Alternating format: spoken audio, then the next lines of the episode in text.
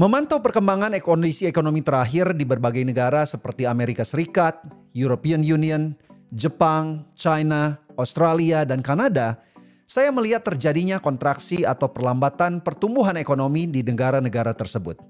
Bahkan banyak negara sekarang sudah masuk dalam zona resesi parah, di mana ini ditandai dengan banyaknya kerusuhan sosial atau social unrest karena warga negara tidak puas dengan kebijakan ekonomi pemerintah. Indonesia dipastikan akan terseret masuk dalam resesi ekonomi dunia yang sangat parah ini. Berapa lama Indonesia bisa bertahan melawan resesi ekonomi yang sangat parah ini? Nah, untuk kita bisa menjawab pertanyaan ini, kita harus lebih dulu mengerti mengapa resesi ekonomi ini terjadi dan kita mengerti faktor-faktor penyebab resesi ekonomi ini. Saya akan bahas mengenai resesi ekonomi dunia dan enam faktor penyebabnya.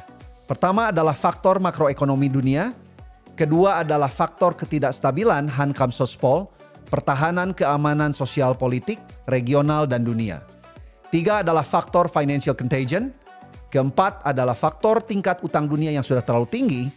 Kelima adalah faktor kerawanan energi dan pangan. Dan keenam adalah faktor pasar properti yang unsustainable. Dalam video pertama ini, saya akan bahas mengapa resesi ekonomi ini terjadi dari sudut pandang makroekonomi dunia.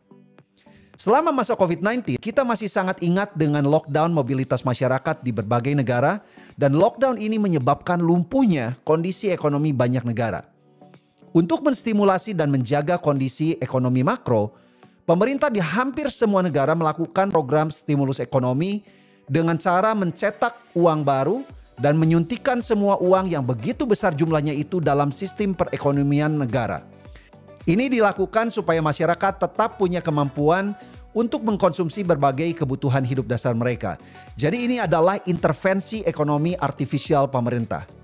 Masalahnya, kalau pertambahan uang ini tidak diimbangi dengan pertambahan supply barang dan jasa itu sendiri, maka pertambahan jumlah uang yang begitu besar ini otomatis membuat harga barang dan jasa melejit naik pesat. Dan ini yang dinamakan sebagai inflasi. Anda juga pasti masih ingat waktu terjadinya lockdown, banyak perusahaan yang mengurangi bahkan menghentikan produksi mereka karena mereka kesulitan cash flow dan juga mengalami kesulitan keterbatasan barang baku produksi. Akibatnya, jumlah pasokan barang yang ada di pasar menjadi terbatas. Nah, pemerintah ada dalam kondisi yang sangat sulit. Mereka harus melakukan intervensi moneter untuk menolong warga negara dengan cara terus menggerakkan perputaran roda ekonomi sekalipun dengan cara yang tidak organik atau artifisial. Dan dampak negatif dari pendekatan seperti ini adalah menggilanya tingkat inflasi. Sebelum kita lanjut, saya mau minta tolong untuk Anda bisa like, share, dan subscribe supaya lebih banyak orang yang mengenal channel Ngobrol KPK ini. Di mana Anda bisa belajar mengenai ekonomi dan keuangan dari sumber yang bisa diandalkan dan terpercaya. Nah, untuk melawan inflasi, pemerintah harus menaikkan tingkat suku bunga acuan dasar di negara mereka. Hal ini dilakukan supaya jumlah uang yang beredar di pasaran bisa dikurangi karena pemilik uang lebih tertarik untuk menyimpan uangnya di institusi keuangan yang menawarkan bunga yang lebih tinggi. Belakangan ini, pemerintah Indonesia sudah menaikkan tingkat suku bunga deposit reverse repo rate atau BI7 DRR sebanyak uh, dua kali. Dan saya rasa kenaikan suku bunga BI7 DRR ini tidak akan jadi kenaikan suku bunga yang terakhir kalinya tahun 2022 dan tahun 2023.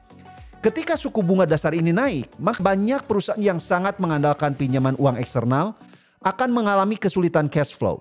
Karena jumlah beban pembayaran bunga pinjaman menjadi membengkak, sedangkan pemasukan atau revenue perusahaan itu sudah banyak tergerus karena melemahnya kondisi daya beli masyarakat. Saat ini banyak pelaku ekonomi yang mengaku bahwa daya beli masyarakat sudah jauh menurun sehingga barang yang kadang dijual sekitar HPP pun sudah tidak bisa lagi diserap masyarakat. Jadi saya summarize penyebab pertama dari resesi ekonomi global ini. COVID-19 menyebabkan terjadinya pelemahan daya beli masyarakat. Melemahnya daya beli masyarakat menyebabkan dibuatnya program stimulus ekonomi. Stimulus ekonomi menyebabkan terjadinya inflasi. Inflasi menyebabkan terjadinya masalah keuangan makro dan mikro. Dan inflasi juga menyebabkan tingkat pengangguran menjadi meningkat karena banyak perusahaan harus mengurangi produksi mereka dan mengurangi jumlah karyawan mereka. Akhirnya semua faktor ini bersama-sama menyebabkan terjadinya resesi. Celakanya, Saat ini hampir semua negara di dunia mengalami resesi ekonomi dalam waktu yang bersamaan.